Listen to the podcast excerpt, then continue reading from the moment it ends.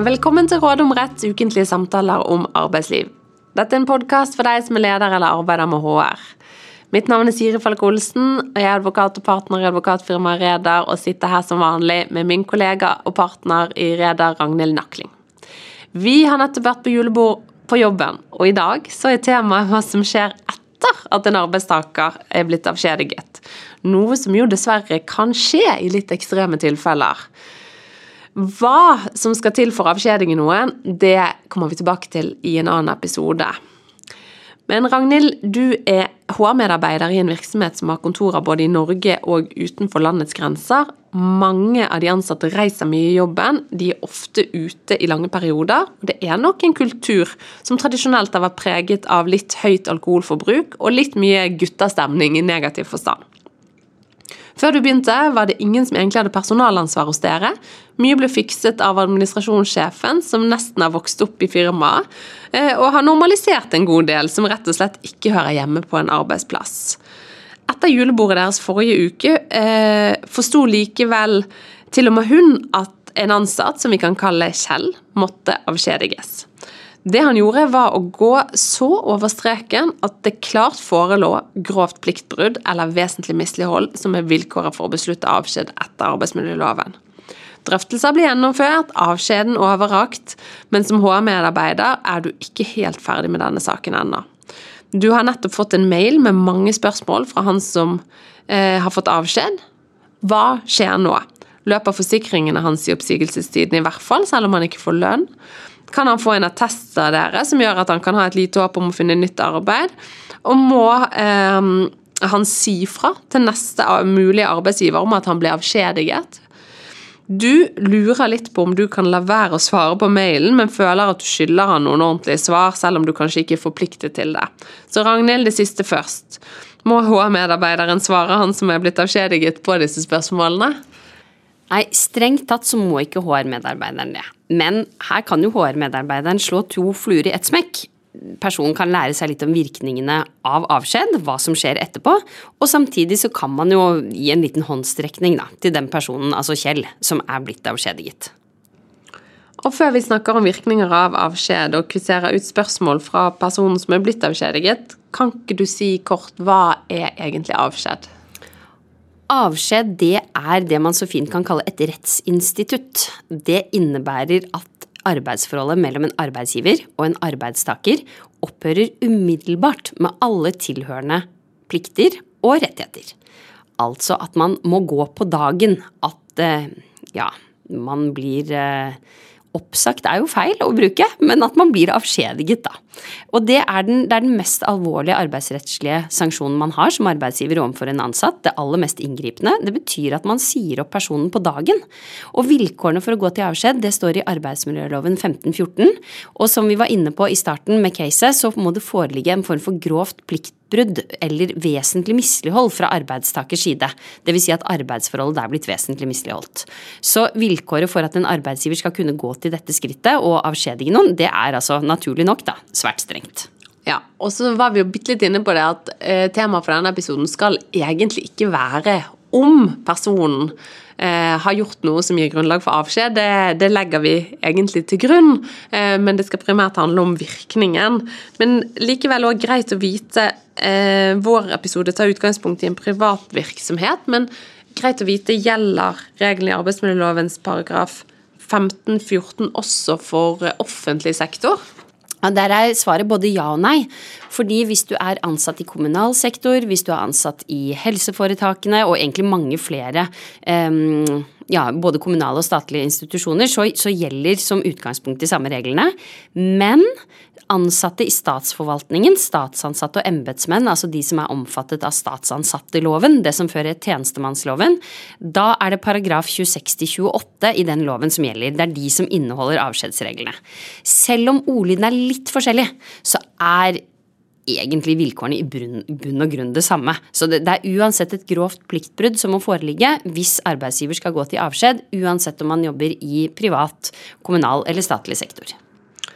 Ok, og det ligger jo mange vanskelige avveininger bak en beslutning om å gå til avskjed. Eh, det skal også være gjennomført drøftelser, som man også har vært inne på at har blitt gjort her. Men som vi nå har sagt en del ganger, så er det vi skal ha fokus på i dag, det er jo virkningen av en avskjed. Hva betyr det i praksis at et ansettelsesforhold opphører umiddelbart? Litt sånn kort oppsummert så kan man si at arbeidsavtalen heves, opphører umiddelbart. Det inkluderer alle rettigheter og plikter som springer ut av arbeidsforholdet. Det er jo egentlig alt som har med jobben å gjøre, da. Eh, så er det andre som det betyr, det er at det eksisterer ikke noen oppsigelsestid. I casen vår så spurte jo han om ikke sant, gjelder forsikringene mine i hvert fall da, i oppsigelsestiden, selv om jeg ikke får lønn. Det hadde han skjønt. Og da må man egentlig svare at altså, premisset for det spørsmålet er galt, for det er ikke noen oppsigelsestid arbeidsforholdet ditt, det slutta idet du fikk avskjeden. Um, og det det betyr, som vi skal komme litt mer inn på i dag, men det er jo mange ting, da. Man får ikke lønn. Man får ikke lov til å jobbe. Man får ikke lov til å være i lokalene. Man opptjener ikke pensjon. Man er ikke dekket av forsikring fra arbeidsgiver. Alt fra og med det tidspunktet hvor du fikk avskjeden. Så bare da for å oppsummere, så spørsmålet fra Kjell har jeg forsikringsdekning i oppsigelsestiden. Det er altså et klart nei på det, på det spørsmålet. Ja, det er enda klarere. Det er et slags dobbelt nei. Det fins ingen oppsigelsestid for deg, og forsikringen opphørte idet du fikk avskjeden. Hva så betyr det nærmest på sekundet? Hvordan fungerer egentlig det? For man må jo få meldt ut personen. Ja, altså i prinsippet så er det jo på en måte på sekundet. Men jeg må jo likevel si litt sånn nja, fordi Eh, som ofte så er man jo kanskje i lokalene da, når man får avskjeden. Da har man jo rett til å være der til man går ut. Eh, og når det gjelder lønn og pensjon eh, og forsikring, så vil jo det normalt eh, gis ut dagen. Fordi det blir mm, veldig upraktisk å sette seg ned og regne på krona hva det betyr om du fikk denne avskjeden 12.05 eller 15.43. Um, men om man er timelønnet f.eks., så er det jo strengt tatt sånn at da får man lønn ut timen. Og denne HR-medarbeideren i caset vårt må jo da huske på å melde ut av pensjonsordninger osv. fra og med den dagen da, som arbeidstakeren ble avskjediget. Og før man er i en situasjon hvor man velger å gi en arbeidstaker avskjed, så vil det jo også kunne være snakk om eh, en situasjon hvor arbeidstakeren er suspendert. Vi har jo snakket om dette med suspensjon i en tidligere episode. Eh, basert på det lille vi vet her, så hørtes det jo kanskje ut som om Kjell ble avskjediget rett etter julebordet. Eh, sånn at det er vel usannsynlig at han var suspendert. Men hvis han var i suspensjon da han fikk avskjed, ville det gjort noen forskjell? Nei, det ville ikke det. Den, eh, alle de samme virkningene inntrer uansett om arbeidstakeren var i aktivt arbeid, suspendert, lønnet eller ulønnet permisjon eller sykemeldt for den, den saks skyld, da vedkommende fikk avskjeden. Ja, Hvis man f.eks. var suspendert eh, og ikke da var på arbeidsplassen eh, i det tidspunktet man mottok avskjeden, eh, f.eks. hvis det sendes et rekommendert brev hjem, da kan det jo være litt krevende å finne ut det nøyaktige tidspunktet for når arbeidsforholdet opphørte. Hva kan du si om det, Ragnhild? Jo, det kan stemme, men som ofte så vil man jo være innkalt til et møte med arbeidsgiver, hvor man mottar beskjeden. Og uansett så er min erfaring at problemstillinger rundt akkurat dette sjelden oppstår i praksis. Det er som oftest er uenigheten knyttet opp til var vilkårene for avskjed oppfylt eller ikke, og ikke til akkurat hvilket tidspunkt avskjeden ble mottatt. Men det kan jo skje. Det er vel ikke de største økonomiske spørsmålene som oppstår i forhold til et sånt skjæringstidspunkt, så det er kanskje naturlig at det sjelden kommer på, på spissen. Men det var jo dette med attest. Hva er svaret der? Har eh, Kjell krav på attest? Altså, han, Svaret er ja. Han har krav på attest. Det følger av arbeidsmiljøloven 1515 tredje ledd. 1515 er der hvor det står om attest. Og den attesten skal på samme måte som hvis arbeidsforholdet hadde blitt avsluttet ved en oppsigelse, enten fra Kjell selv eller arbeidsgiveren, de samme opplysningene egentlig, da. Det står i første ledd. Eh, så den, den retten den gjelder uten forbehold. Men samtidig så står det da i 1515 tredje ledd at arbeidsgiver kan opplyse i attesten om at arbeidstaker er blitt avskjediget. Man trenger ikke si noe om grunnen, men man er heller ikke forhindret fra å gjøre det. Og i praksis så tror jeg nok at i hvert fall en del avskjedigede arbeidstakere unnlater da å be om attest fra tidligere arbeidsgiver, fordi de da risikerer at det blir opplyst både om at arbeidsforholdet ble avsluttet ved avskjed, kanskje også noe om hvorfor, men de har krav på attest. Det har de. Og Kielland ønsker jo tydeligvis en test eh, i dette tilfellet. Og hva, hva skal en, en slik attest inneholde? Den skal inneholde opplysninger om arbeidstakers navn, fødselsdato, hva arbeidet har bestått i og om arbeidsforholdets varighet, står det i første ledd i 1515. Og navn og når man er født og hvor lenge arbeidsforholdet har vart, det pleier jo ikke å by på noen utfordringer. Hva arbeidsforholdet har bestått i kan det jo kanskje være litt uenigheter om, men det, det bør la seg skrive ned, det òg. Der er det viktig å huske på at det ikke er tilstrekkelig å skrive liksom at arbeidstaker har vært ansatt hos oss eller ved vårt kontor eller lignende. Det er det en høyesterettsdom på. Den, den må spesifisere hva har man jobbet med, og beskrive det helt konkret. Og så kan man godt skrive mer, hvis man vil det. Man kan godt skrive litt mer om kvaliteten på arbeidstakers arbeid, hvilke ansvarsområder man har hatt, personlige egenskaper osv. Og som du var inne på, det må jo da altså ikke stå at eh, personen ble avskjediget, men det kan gjøre det. Det stemmer. Og bør man opplyse om det, hvis du hadde fått spørsmål om det som advokat? Bør man opplyse fremtidige arbeidsgiver om at denne personen ble avskjediget? Ja, dessverre så er svaret mitt som ofte, da, det kommer an på. I denne saken så vet vi ikke helt hva Kjell gjorde.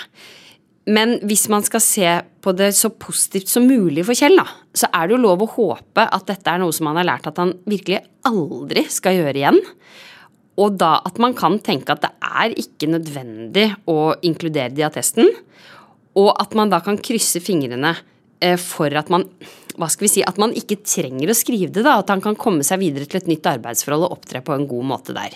Samtidig så må jeg jo ta et lite forbehold, fordi det kommer an på hva det er, og det kan være eh, situasjoner eller hendelser eller opptreden som du tenker at dette kan jeg bare ikke la være å opplyse om, eh, fordi det fortjener neste arbeidsgiver eh, å vite.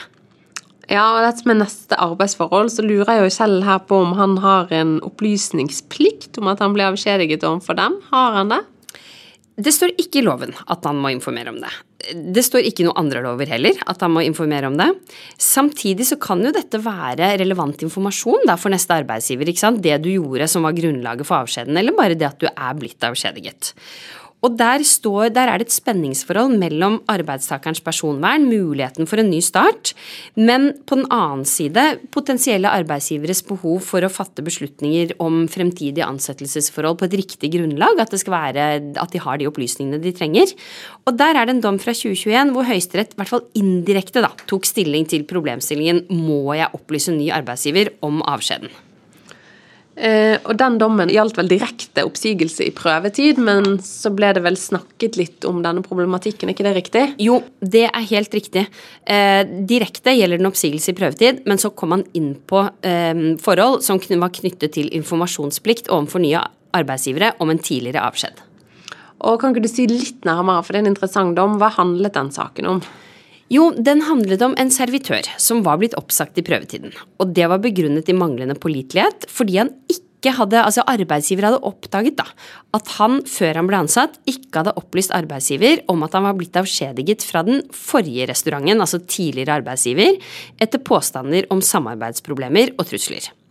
Så var det sånn at denne avskjeden den ble bestridt, den ble erklært ugyldig av domstolene.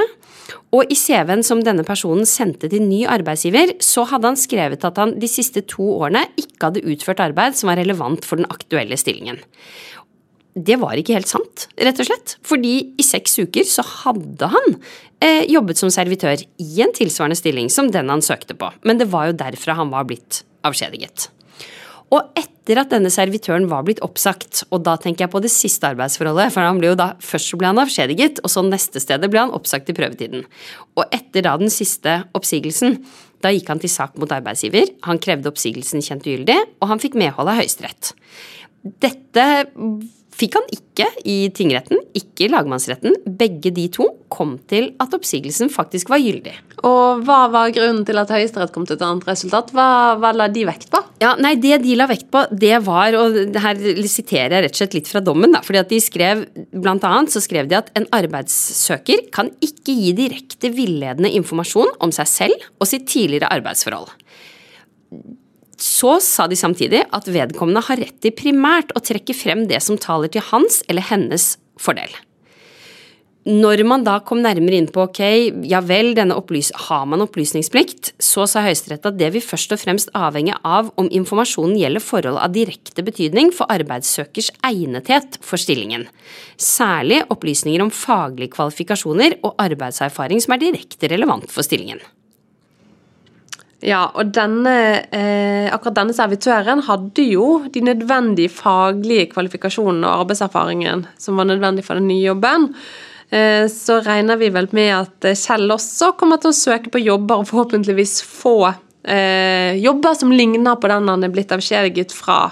Sier Høyesterett eh, noe om dette er en opplysning som, som må gis?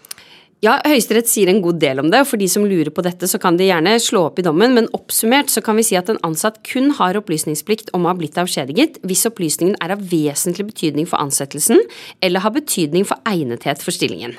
Og Høyesterett legger rett og slett ansvaret for å avklare hvilke kvalifikasjoner og egenskaper som er vesentlige for den aktuelle stillingen. Det ansvaret da legger de på virksomheten, men så sier de også det som burde vært selvsagt, at man ikke kan lyve eh, om man blir spurt direkte om man er blitt avskjediget. Men bare for å oppsummere så spurte jo du ja, hva, la, hva var det Høyesterett la mer vekt på enn tingretten og lagmannsretten? Og der var tingretten og lagmannsretten de la nok mer vekt på at man ikke kan gi direkte villedende opplysninger om seg selv eller tidligere arbeidsforhold, mens Høyesterett la mer vekt på virksomhetens ansvar for å oppklare. Um, og det kan man jo være enig eller uenig i, men det var nå det konklusjonen ble. Ja, og i tillegg så var det dette med at man uttrykte en form for forståelse da, for at man som arbeidstaker ikke ønsker å fortelle om eh, ufordelaktige ting i fortiden, på et vis. Eh, så det, de, de, de, gikk ganske langt, syns jeg, å uttrykke en forståelse for det. Eh, og kanskje da indirekte vektla hensynet til arbeidstaker og muligheten til å komme seg videre. Ja, jeg er enig, og der er det jo det at det vil når de trekker frem dette har det betydning for egnetheten for stillingen, så vil det jo da komme an på hvorfor man er blitt avskjediget, da. For ofte så vil det jo ha betydning for egnetheten. Altså en økonomimedarbeider som er blitt avskjediget pga. Av underslag f.eks., vil i hvert fall etter min mening da ikke kunne la være å opplyse om det. Eh, og jeg tenker at det samme gjelder helsepersonell som f.eks. kan ha blitt avskjediget pga. tyveri og misbruk av legemidler på arbeidsplassen. Men for å være helt sikker som arbeidsgiver, så må man faktisk spørre da, direkte om disse tingene. Det kan jo være litt utfordrende òg i en intervjusituasjon å spørre liksom Ja, du jobber med økonomi og bare sånn at vi er helt sikre. Du har ikke begått underslag noen gang? Nei, jeg tenker at det er for mange litt kunstig og rart å gjøre i en ansettelsesprosess hvor man på en måte skal selge innstillingen, så er det litt rart å ta opp det spørsmålet. Mm men eh, en viktig påminnelse. Men når det gjelder Kjell, da, så virker det jo litt som at han ble avskjediget pga. noe som overhodet ikke hadde noe med hans faglige bakgrunn, erfaring, eh, egnethet i jobben å gjøre. Eh, hva tenker du at har det noe å si? Ja, det tenker jeg at har noe å si, for det blir på en måte litt det motsatte av denne økonomimedarbeideren. Siden det skjedde på julebordet, og basert på den dommen om servitøren, så virker det for meg som om Kjell faktisk kan la være å opplyse da, om hvordan det forrige arbeidsforholdet hans ble avsluttet. Men viktig å presisere, hvis han blir spurt direkte, så kan han ikke lyve. Jeg, hvor god løsning det vil være å holde det skjult ved, det må han selv egentlig vurdere. Da har Kjell fått svar på spørsmålet sitt om forsikring, om attest og om opplysningsplikt overfor potensielle nye arbeidsgivere. Er det noe annet som han ikke har tatt opp, som du tenker at han burde informeres om? Ja, jeg tenker at denne HR-medarbeideren godt kan gi en Kjell en liten håndsrekning. Det virker jo som han har jobbet der i mange år, kanskje han aldri har vært noe arbeidsledig i det hele tatt noen gang, men det kan jo faktisk skje nå. Og hvis du er arbeidsledig, så har du etter kort tid rett på dagpenger fra Nav så lenge du oppfyller noen vilkår. Om tidligere inntekt, og at du må være reell arbeidssøker osv. Men hvis Kjell søker om det, så kan det hende han får seg en ubehagelig overraskelse. Og grunnen til det, hva er det, Ragnhild? Det er det at han er blitt avskjediget. Fordi eh, da blir retten til dagpenger utsatt. Eh, man får en såkalt forlenget ventetid. Den totale ventetiden for å motta dagpenger hvis du er arbeidsledig, det er 18 uker faktisk for en person som er blitt avskjediget. Så Kjell, han, hvis vi legger til grunn at han oppfyller vilkårene for å få dagpenger, men han er blitt avskjediget, så vil han ikke få noen økonomiske ytelser fra det offentlige før fire og en halv måned etter at avskjeden fant sted. Det bør han i hvert fall innstille seg på. Så ganske harde konsekvenser av en avskjed, eh, og noe som viser antagelig hvorfor terskelen for avskjed er så høy, men det er et tema vi kommer tilbake igjen til i en annen episode. Så til slutt, Ragnhild, eh, kan du forsøke å oppsummere tre viktige ting å huske på når det gjelder temaet virkning av avskjed? For det første så opphører arbeidsforholdet umiddelbart ved avskjed, i praksis samme dag.